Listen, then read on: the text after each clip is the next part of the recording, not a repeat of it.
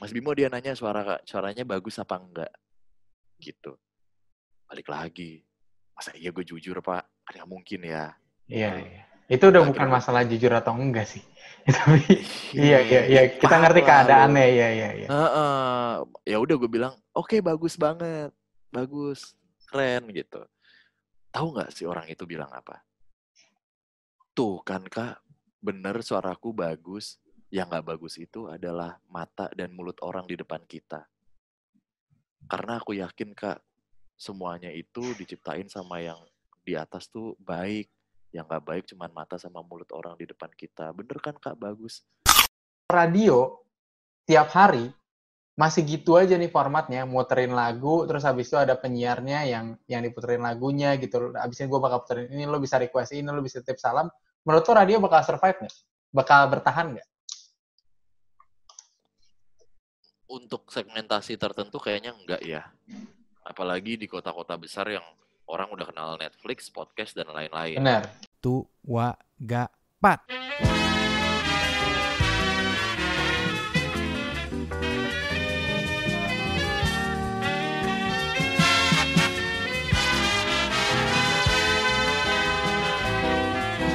Anda sedang mendengarkan The Bernhard Faras Show. Oke, eh, teman-teman kembali lagi dengan Bernhard Faras dan di sini gue ada kedatangan Bimo Kusumo, sang pengisi suara dan penyulih suara. Lahir di Jakarta 4 Juli 1990, S1 Komunikasi, udah jadi penyulih suara sejak 6 tahun di tahun 1996, punya kedua orang tua yang sama-sama di bidang daber juga dan orang tua yang ibunya itu pernah bekerja di Swadaya Prativi, Ya, di mana itu adalah audio pos pertama di Indonesia ya. Nah, kalau misalnya lo pengen lebih lihat yang personalnya di eh, Bimo, tadi udah ada di awal, sekarang gue mau masuk ke challenge nih. Wih, tantangan. nah, Bim, ini udah malam tapi eh, ini ya, kita harus tetap bersemangat ya. santai, santai. Yoi. Oke, tantangannya adalah gini, kita main lakon aja. Kan lo punya suara high, middle, sama low nih, ya kan? Waduh, gue kudu jerit-jerit nih kalau bisa sih. Oke lah, Bisa ya, oke, bisa ya. Gue coba, Oke coba. ya. Nah, kita uh, anggap aja kita lagi di SMA, terus kita jadi anak-anak SMA nih. Uh, gua gua gua misalnya temenan sama lu. Nah, yang high terserah lu mau jadi anak A atau jadi guru atau apa, yang middle jadi apa, yang yang low jadi apa, kita improvisasi aja. Gimana? Bisa? Oke, oke, oke, oke. Mantap. Oke ya. Ini gue mulai ya. Gua gua mencoba untuk mengubah suara gue juga nih. Gua nggak mau kalah orangnya kompetitif soalnya. Gas. Bim, Bim, kalau lo udah gede nanti tuh, kan orang pada punya cita-cita kan. Lo mau jadi apa? Bentar, bentar. Sebelum lo jawab ya. Kalau gua kan banyak orang-orang yang ngomong, ah gua mau jadi eh, eh, dokter, jadi tentara, jadi lawyer gitu kan, biar keren. Kalau gua nggak, gua pengen jadi masinis. Kalau lo mau jadi apa, Bim? Ya, nge, lo kan tahu ya. Gua mah di ya, ilah, bro. Gi, gua sekolah aja sering bolos. Iya Gimana gua lebih suka di jalan, bro. Namanya juga anak muda nyeni kali. Gimana ini juga paling nggak guna gue sekolah nanti gak Ya iya juga sih, emang nggak kita nggak begitu berguna sekolah ya. iya kayaknya begitu sih mendingan putus sekolah bro daripada putus link kalau kata bokap gue mah begitu Iya sih bener. Ya udah deh, kita Iya. ke ini aja yuk, ke ruang guru, kita tanya nih ke Pak Guru kan Ah. biasanya ruang guru serem nih. Kita tanya ke Pak Guru, enaknya Iya kita dah. jadi apa nih? Karena kita nggak punya harapan kayaknya ya. Iya udah lu aja Oke. yang maju ya gue mah Iya iya iya. ya Gua tanya dulu nih ya. Pak Guru, Pak Guru. Eh, saya kan nggak begitu berprestasi nih Pak. Enaknya saya jadi apa ya Pak ya? Yuk, kamu itu harus tahu dulu. Kamu itu peminatannya di mana. Kalau kamu cuman begini-begini aja ya kamu kayak di bagaimana bisa kamu itu nanti jadi yang diharapkan sama orang tua ya toh? Mendingan kamu itu sekarang mulai tahu dulu minat kamu itu apa. Nanti kamu baru tahu kamu itu di mana harusnya gitu. Oh iya, iya. Belajar aja lah ya, belajar. Baik Pak, baik Pak. Saya pulang dulu ya Pak. Saya mau nanya ke orang tua saya di rumah. Baiknya saya jadi apa? Boleh, boleh. Orang tua kamu masih komplit? Oh, kalau misalnya tinggal komplit ibu sih, Pak. ya. Orang tua Kalau saya ada empat. Oh ya, Iya. kalau misalnya tinggal ibu ya coba dikenalin ke bapak. Ah, iya. Nanti saya kenalin Pak. Iya, gitu ya. Saya pulang dulu ya Pak. Assalamualaikum. Waalaikumsalam, monggo. Pak. Baiknya aku jadi apa ya? Karena nilaiku tuh nggak bagus-bagus amat nih di sekolah. Jadi apa sih? Mau kamu jadi apa? Ya kayak jadi papa aja dong. Papa ini kan eksekutif muda begini, tinggal diikutin papa aja. Papa kan masih umur 28 gini, kamu udah SMA, gaul aja lah gitu. Udah bisa dihitung ya, berarti kamu lahir di umur berapa ya? Pas papa umur berapa ya? Pas ini Pak, Gitu. pas Belanda masuk Pak. Waduh, Iya. ya papa tapi nggak seneng Arjen Robben gitu. Papa lebih Ah, seneng iya. David Beckham. Jadi papa seneng Inggris. Jangan kamu ngomong-ngomong Belanda ya. Papa Ah, iya Pak, iya. Pak. Maaf Pak. siap, siap, siap. Mantap. Dadah aja lu. Udah malam ya. Ada-ada aja. Aduh, Mantap, gawat, gawat, gawat. Mantap, bro. Gua nggak bisa jadi cerita nih loh lagi di Iya, ruangan iya. yang tidak mengerti, mengerti, mengerti. kedap. mengerti. Karena ya balik lagi, kalau misalnya suaranya ini juga nggak ganggu tetangga ya. Sebagai PO lo harus memperkirakan itu ya. Sebenarnya ada ruangan cuma lagi direnov yang Oh, biasa lagi gua take gitu-gitulah. Siap, siap, siap, bro. Nah, gue mau ngomongin lagi sekarang edukasi nih. Gue kan belum pernah menjadi VO artis, gitu kan. Gue belum pernah jadi penyulis suara, gue belum pernah jadi pengisi suara. Kalau gue mau memulai, ada nggak cara gampangnya nih gimana? Lo misalnya, nih gue gua, gua diajarin nih sama lo nih gimana nih. Step pertama gue mesti ngapain? Oh, step pertama step pertama lo harus referensi dulu sih banyakin. Nah, ini gua aduh, Referensi. hampir keceplosan. Ini buat buat buat buat punchline nanti. Oke, Untung gua oke. mau ngelarin. Gua Oke, orangnya oke. temen punchline. Orangnya pancelannya suka di depan nih. iya, duh. Jadi referensi dulu. Jadi referensi Oke. intonasi itu. Oke. Lupakan dulu suara nanti suara tuh akan mengikuti kok. Gitu. Ingat ya, pokoknya bukan suara bagus. Nanti di akhir kenapa gua Oke. bisa berstatement bukan suara bagus yang digunakan gitu. Referensi intonasi. Pertama, referensi intonasi dari profesi-profesi yang ada di sekeliling kita.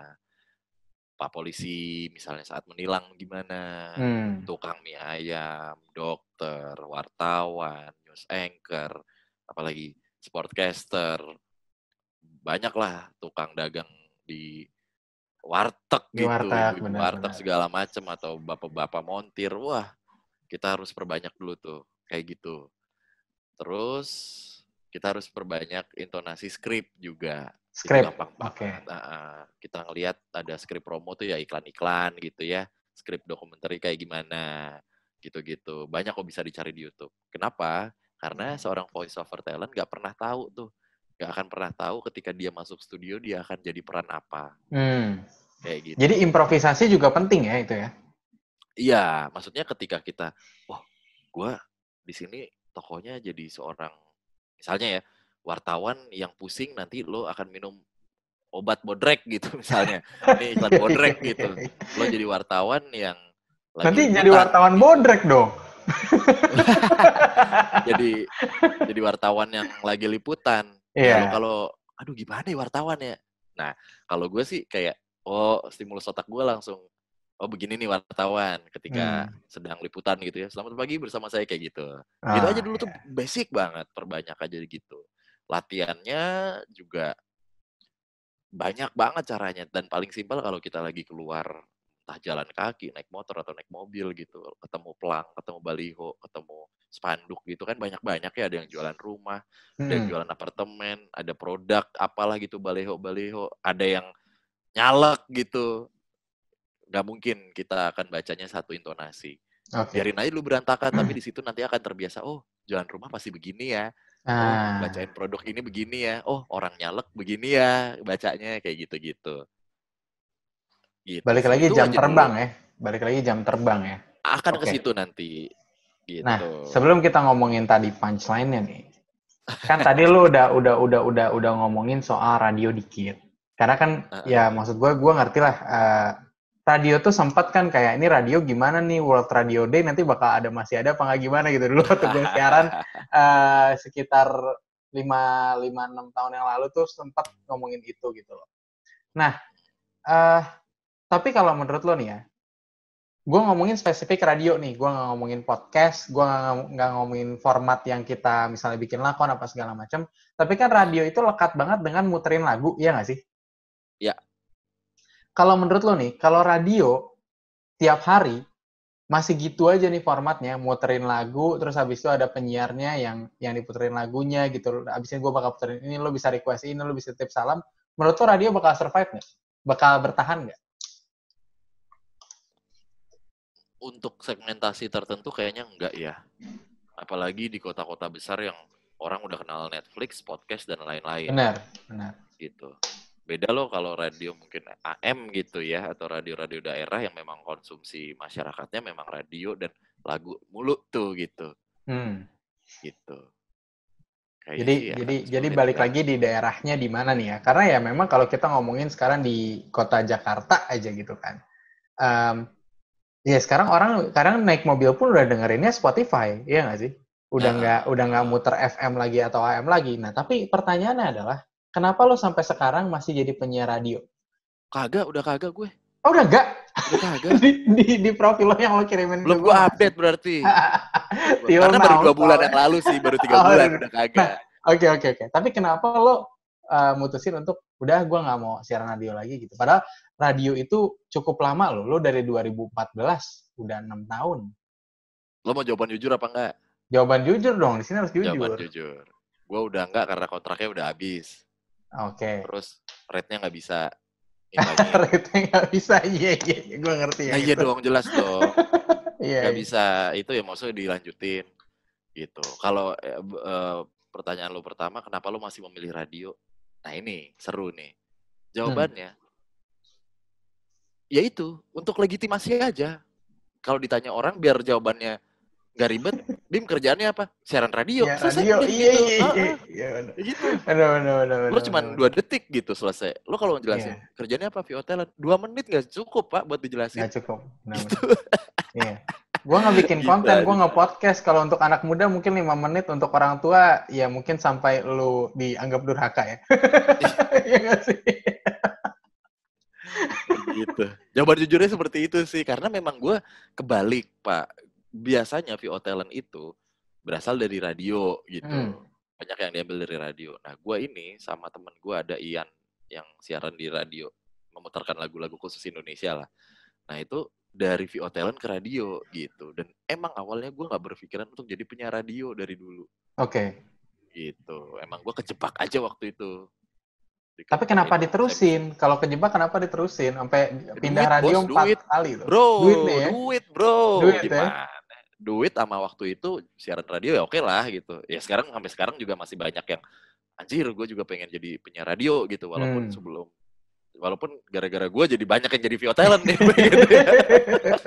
Apalagi kalau siaran radio di beberapa media itu, wow gajinya gede ya. Oh, jelas. Iya iya. Ada tunjangan pak malah. Iya, ada tunjangan lah. Ya kita nggak Nah, perlu itu sebut lah. Pokoknya grup-grup yang gede lah ya intinya. yang Worth punya it lah itu lo it. sendiri ya. Gue juga susah tuh kalau mau bargaining. Waduh bos gue ada VO gitu. Iya. iya. Susah kayaknya kalau di situ. Ya gitu dah. Aman lah pokoknya. Tapi kalau kalau ngomongin lagi karir di sebagai penyiar radio gitu ya, pernah nggak sih lo kayak eh, karena lo udah berpengalaman dari gue lah jauh lah, gue masih harus ba- banyak belajar lah gitu loh. Eh, Belajar bareng lah. Iya belajar bareng kita. Ini gue seneng banget serius ngomong sama karena lo sama-sama orang yang yang terbuka untuk belajar hal baru. Lanjut, eh, terkadang kan gini, kita kan namanya di industri kreatif kan luas banget jenis-jenisnya ya bro ya. Ada podcaster, terus nanti kita bikin YouTube sendiri, kita bikin apalah banyak lah, mungkin media baru nanti TikTok bla bla bla gitu loh. Nah, sedangkan kalau kita kerja di radio, itu kan sama-sama media ya, ya nggak sih? Iya iya. pernah nggak sih ada radio yang kayak lu nggak bisa ya bikin konten-konten di luar, lu harus bikin konten sama kita atau ada strict rules yang gimana yang sejenis sama itu ada nggak sih bro? Selama gue berkarir jadi penyiar radio sih nggak ada ya. Kalau gue di radio-radio yang udah gue pernah tempatin sih nggak ada ya. Hmm.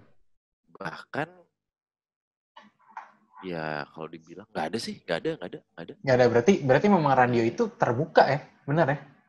Karena Terbuka, bahkan banyak kerjaan-kerjaan yang karena gue juga pernah kerja kantoran gitu kan, itu hal-hal kayak gitu tuh di diatur bro. Oh jelas. Iya. Kalau lo ngomongin kerja kantoran ya jelas lah. Ada beberapa yang lo jangan ini banget. Bahkan ada satu teman gue di Mhm. salah satu grup FMCG terbesar lah di Indonesia punya anak negeri gitu. Hmm? Itu udah ditegur sama bosnya mau dikasih SP gara-gara dia terlalu main Instagram. Terlalu main Instagram dikasih SP. Ah, ah, ah. Ya belum dikasih SP tapi lo Di, dikasih tahu lah kalau lu gitu terus nanti kita bisa kasih SP gitu ya. Mungkin kalau gue lihat dari konten Instagramnya dia memang konten banget anaknya. Nah, terlalu liar lah Instagramnya liar bukan Oke. api senonoh ya maksudnya Iya, iya. terlalu beresif banget gitu mungkin yang gue tangkep karena posisi dia sudah tinggi juga ah, jadinya oke. mannernya nggak ada mungkin kelihatannya Iya, iya, Itu iya. yang pengaruh. karena ini perusahaan benar-benar menjunjung ini banget lah Balik lagi mungkin dia merepre- merepresentasikan perusahaan tersebut, jadi takutnya Iya. ada branding korporat yang kena juga gitu. bisa jadi itu kan riskan banget ya risky banget kita main sosial media tuh blunder tuh kayak kemarin aja ada satu konten Instagram gue yang akhirnya gue uh, take down gitu Mhm. udah riskan banget karena udah banyak followers ya kita main Instagram ada beberapa orang yang tendensinya gue nyari banyak followers nah si teman gue ini dengan dengan santainya dan santuinya dia gitu memang dia nyari followers banyak gitu cuman Oke. ketika followers banyak ya itu nanti takutnya backfire buat dia gitu bisa ada Ah. blunder gitu mungkin itu yang ditegur sama perusahaannya Oke, oke. Nah, balik lagi, lo lo nggak percaya dengan hal-hal kebetulan nih, karena gue mau ngungkit itu lagi. Kenapa? Karena ada satu hal yang yang belum sempat gue tanya tadi. Em, kolaborasi lo sama Putri itu kan, ya gue bisa bilang langsung viral gitu kan, masuk ke viral kan, masuk ke akun-akun Instagram yang kayak contohnya viralin dong gitu, viralin kak gitu kayak gitu-gitu kan. Nah, tapi dari lo sendiri nih, lo udah udah YouTube lama dan gue lihat uh, konten-konten lo juga bagus dan dan dan view-nya udah banyak juga tapi nggak sebanyak yang sekarang gitu kan. Kalau menurut lo sendiri ada kiat-kiat khusus nggak sih kayak bikin konten viral tuh gimana sampai kayak kemarin dan bedanya apa kalau misalnya lo refleksi ke diri sendiri gitu. Ini yang gue lakukan untuk konten ini tuh beda sama yang lain karena begini makanya itu viral gitu. Ada nggak? Oke. Jadi gue juga punya teman gitu ya dan di lingkup yang teman-teman gue tuh memang di sosial media gitu. Salah satunya mungkin gue bisa belajar banyak juga dari mereka. Nah satu kunci yang gue dapetin tuh kalau emang lo ngejar viral gitu ya berarti ya, Iya. lo bikin konten bukan yang likable, bukan yang lovable gitu misalnya, tapi yang shareable Hmm. gitu. Jadi lo bikin konten yang sekiranya itu akan di-share terus tuh ngegulung. Nah itu dia yang gue bikin kemarin yang tiga ton suara gitu sebenarnya gue sudah lakukan oh, di YouTube gitu kan untuk pecah ton suara. Tapi ada satu media lagi nih TikTok gitu yang coba gue formulasiin dan ternyata berhasil gitu. Gue ngelempar di TikTok dan gue ngeblasin di sosial media yang lain karena TikTok kan cepet banget ya, plak plak plak Iya, plak iya, plak. iya, Lo maunya iya. ngapain gitu? Beda sama YouTube yang harus nunggu berapa menit dulu, Instagram yang ternyata punchline-nya di tengah. Oh TikTok kan dari pertama, deng, oh ini mau gini nih orang nih gitu. Iya. gitu. Nah ya udah akhirnya apa ya? Gue mikir-mikir-mikir gitu, gue sharing sama temen gue. Ya udah, lo mencah ton suara, ini masih dalam konteks belajar VO, mencah ton suara lo, tapi pakai iklan-iklan lo gitu. Oh pasti iya komennya, iya iya. pasti komennya akhirnya tidur nyenyak. Wow, lo lihat deh, ribuan komen begitu. Akhirnya tidur nyenyak gitu-gitu. Jadi lo ngapain mencah ton suara, tapi dengan contoh skrip yang apalah misalnya gitu, Hmm. yang ada-ada gitu. Ya pakai tuh tagline-tagline iklan lo atau lo kumpulin jadi satu. Di situ lo bisa dapat uh, engagement dari dari apa namanya? dari teman-teman dari netizen, dari warganet yang wah gila ya, Kak Bimo bisa bikin bikin CV cuman 30 detik gitu. Tapi satu lagi yang wah ternyata ini orangnya gitu. Iya, Emang iya. dipikirin sih, Pak. Jadi emang itu ada konsepnya dan memang nggak tiba-tiba viral kan berarti kan? Enggak, enggak. Emang dipikirin gitu. Udah berapa konten gua keluarin akhirnya baru viral sekarang gitu. Oke. Ternyata ini. Besok apalagi yang ngegulungnya? Ya kalau gue sih hmm, kayaknya cukup nih gitu viral. Cuman kalau udah dapat banyak followers kan lebih enak ngegulungnya Iya, gitu. iya, iya. Reach, reach-nya lebih enak lagi gitu. Walaupun mungkin gulungannya tidak sebanyak yang pertama. Nggak spike-nya tuh nggak segede yang pertama. Cuman kan dengan teori probability kan bisa Iya. ya dari Ya, dari 10 baru gitu. ada lah yang yang sukses berapa Ah, gitu kan. kayak gitu. Iya, iya. Apalagi sekarang probabilitasnya makin gede karena followers ya market lo makin banyak gitu kan yang udah Itu, subscribe ke lo gitu. gitu kan. Benar, benar, benar. Salut banget gue serius. Balik lagi, eh, berarti lo tadi kan mengubah biasa lo ngupload di YouTube atau Instagram, sekarang lo justru pertama medianya TikTok dulu, baru lo gulung ke yang lain gitu kan ya? Iya dan itu juga sebenarnya trial and error gitu juga sih. Hmm. Dan coba aja gitu, coba aja baru coba gitu. Ya balik lagi, gue nggak mau kehilangan momen gitu. Siapa tahu nanti ya memang sih balik lagi ke idealisme masing-masing ya. Gue nggak mau main TikTok segala macam. Cuman ya gue coba Ya. aja gitu. Kalau emang gue niatnya mau ada di sosial media, gue cobain aja semua sosial media gitu. Kenapa enggak? Formulasi kayak gini, formulasi kayak gini, formulasi kayak gini. Gitu. Iya, iya. Ya, Itu yang balik dibenci lagi. sama VO talent lain. Kenapa kok dibenci sih? ngapain sih gitu biarkan aja industri ini ada di bawah tanah Wih, underground ya. Biar kayak remang-remang banget ya jawabnya. dari kita untuk kita Dari kita untuk kita. Iya, iya, iya. Oke oke oke. Ini ini ini insightful banget karena balik lagi mungkin orang mikir kayak ah ya udah ini mah dia cuman cuman gitu-gitu doang, istilahnya cuman cuman ngobrol doang. Sedangkan kalau misalnya lo telusurin lagi prosesnya, lo ngomong ke Putri aja lo harus ada DM DM-an dulu, lo konsepin dulu, nguploadnya gimana, distribusinya gimana, kapan kita ini segala macam, setting time kayak gini aja ini kan sebenarnya effort di belakangnya gede kan. Iya kan? gitu dan ingat kalau emang mau ngejar viral viral tuh gampang sustain yang susah Hmm. ketika lo viral apa nih yang harus lo lakuin udah viral gitu doang ya udah selesai gitu tapi memang balik lagi karena dari awal gitu ya deep down in my heart gitu Hmm. pengen biar orang-orang tahu tentang dunia VO ya udah gue ada kewajiban untuk bikin konten-konten lain gitu Iya, iya. Karena jujur, gue sendiri baru tahu VO tuh karena gue punya temen VO, eh, itu gue kenal dia pas gue lulus kuliah kalau nggak salah 2016 atau 17 gue lupa. Dan gue baru tahu loh penghasilannya tuh bisa ngidupin dia beli bikin studio segala macam. Namanya itu bentar, astagfirullahaladzim, gue lupa. Oh, namanya Temen? bentar nih. beneran temen gak nih teman beneran teman bentar nih Eh, cuman gue lupa gue gue orangnya memang pelupa gue harus ngelihat ini dulu ngelihat catatan gue. Jati namanya Jati Andito. Oh Jati Andi Nito iya Iya. iya iya. Mas Tahu Jati ya? iya. Iya iya tahu. Jati tuh ngasih tahu gue soal Pio dan segala macam terus kayak ya kehidupannya kayak apa segala macam.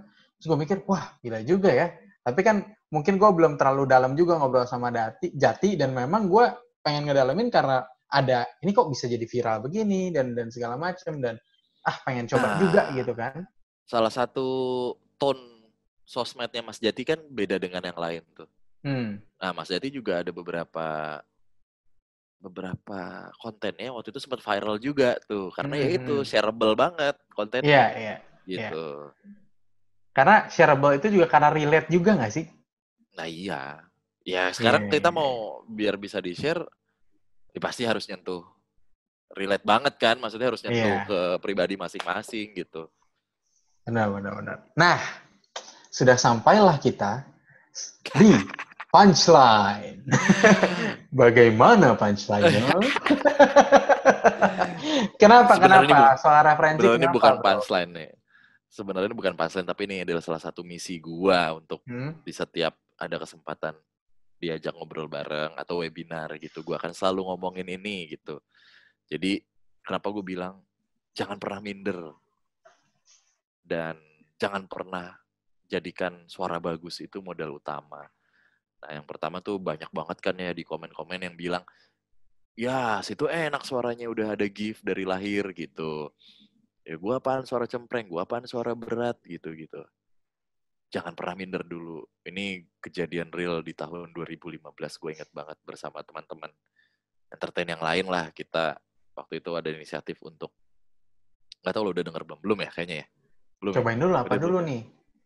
Oh, belum ya jadi gue waktu itu kayak baksos lah 2015. Heeh. Oh 2015 gue lagi lagi nggak ngikutin yang ada di sini. Oh, oke kayaknya bang oh enggak maksudnya cerita ini lo udah denger belum belum ya Oh belum belum belum belum. oh belum belum oke iya jadi baksosan gitulah Mhm. untuk ngasih apa namanya hiburan gitu-gitu ke salah satu tuna tempat wisma apa, wisma panti ya panti Iya, iya. tuna tuna wicara itu Oke. orang-orang yang sulit berbicara dan mendengar lah gitu. Kayak kita hibur mereka. Ada teman gue yang bintang iklan ada salah satu artis gue lupa siapa gitu.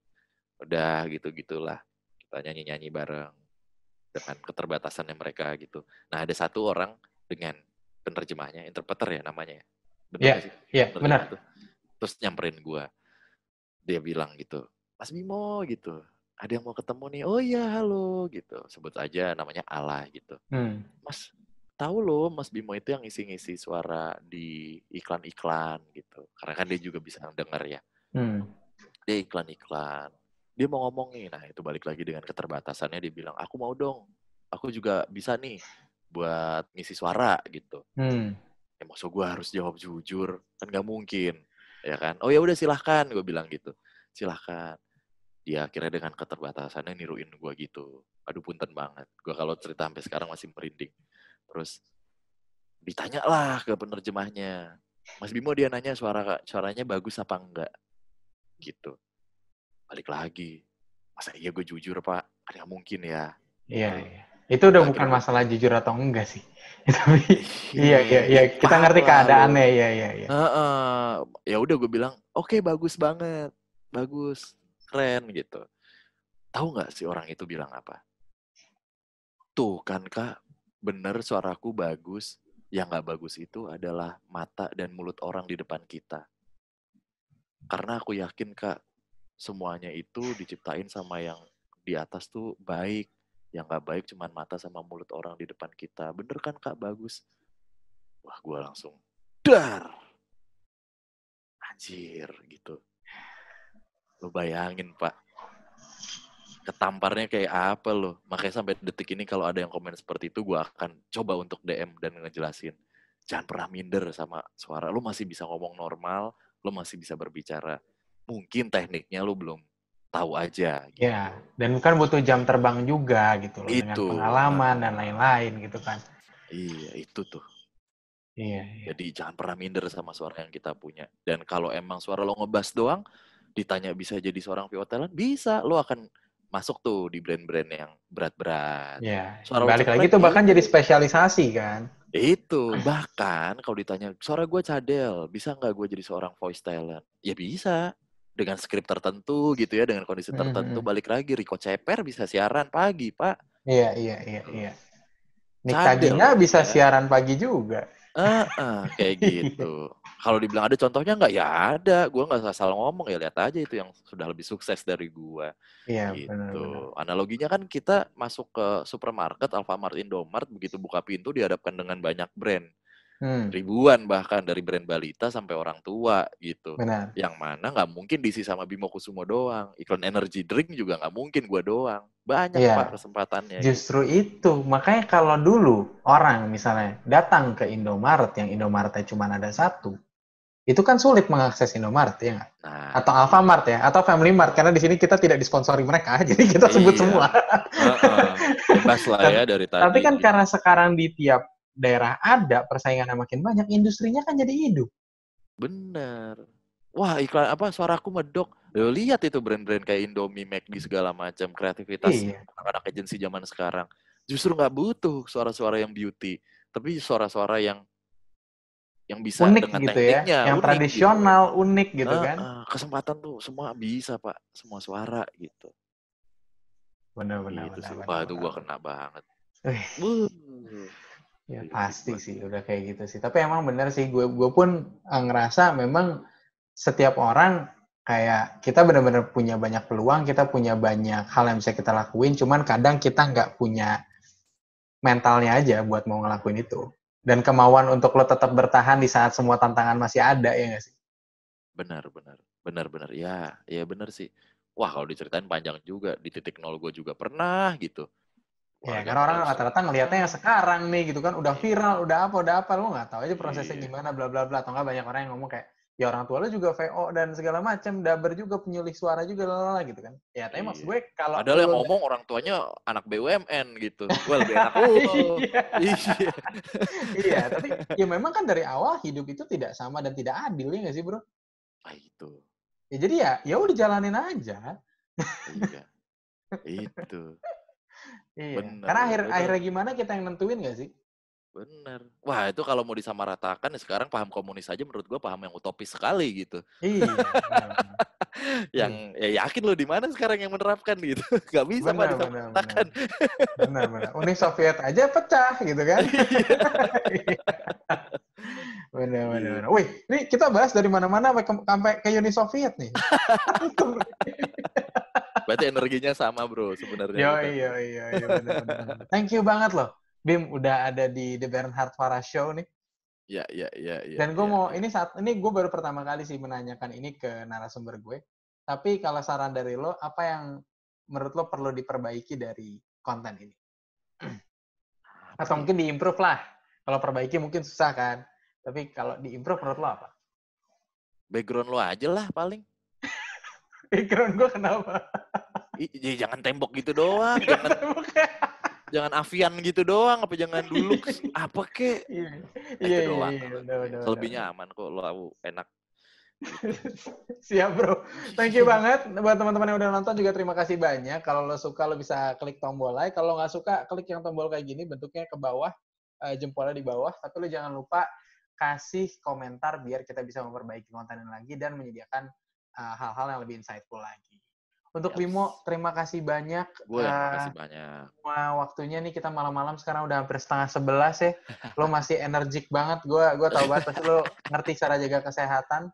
Jadi terima kasih banyak and stay safe always dan sukses selalu buat lo. Terima kasih bro, sukses juga ya. Jangan pernah lelah buat menginspirasi.